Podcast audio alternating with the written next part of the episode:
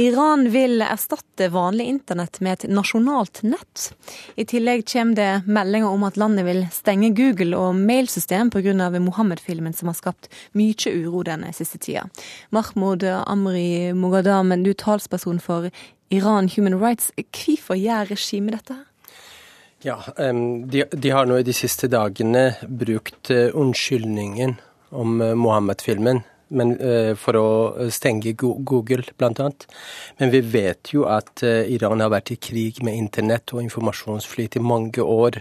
Uh, og husker veldig godt i 2009, etter presidentvalget og protestene, at regimet innså at dersom de skulle klare å kontrollere en så ung befolkning, hvor mer enn halvparten er under 30 år gamle Iran har over 30 millioner internettbrukere. Hvis man skulle kontrollere dem, så må de kontrollere kontrollere internett.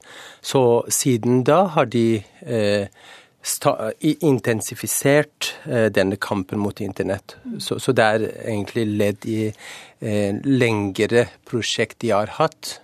Eh, og målet deres er å eh, introdusere det såkalte nasjonale nettet, altså intranettet, hvor hele Iran blir kuttet vekk fra eh, det internasjonale internett. Men Hvilken informasjon får en på dette intranettet?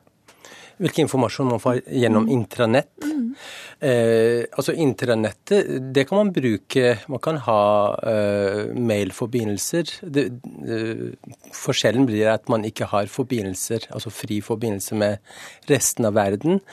Og det blir i tillegg mye lettere å monitorere. Dvs. Si hvis du skriver noe som regimet ikke liker, så kan de fortere finne ut hvem det er. Mm. Men hva er sjansen for at regimet klarer å stenge internett? Eller kontrollere internett? Altså, øh, vi vet jo at øh, andre land har klart å øh, få det til. Så, så det, det, er nok ikke så lett, men regimet kjemper for sin overlevelse og er villig til å bruke det som trengs.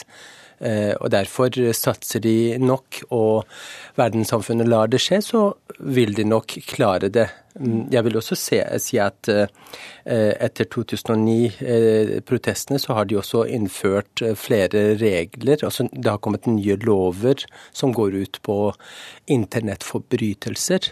Eh, og på papiret står det at hvis man eh, sprer eh, informasjon som er mot moralen, eller hvis man sender sensitiv informasjon ut av landet, så kan det straffes. Men egentlig er det rettet mot aktivister. Vi vet om flere som har blitt dømt til døden for å ha sendt filmer og bilder av demonstrasjoner ut av landet.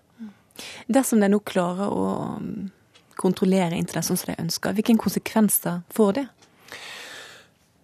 Ja, altså eh, Hvis vi tenker på tiden før vi hadde noe internett, altså på 80-tallet, da var det sånn at eh, det var faktisk demonstrasjoner mot Ayatollah Khomeini i 1980. Og flere titalls tusen ble henrettet.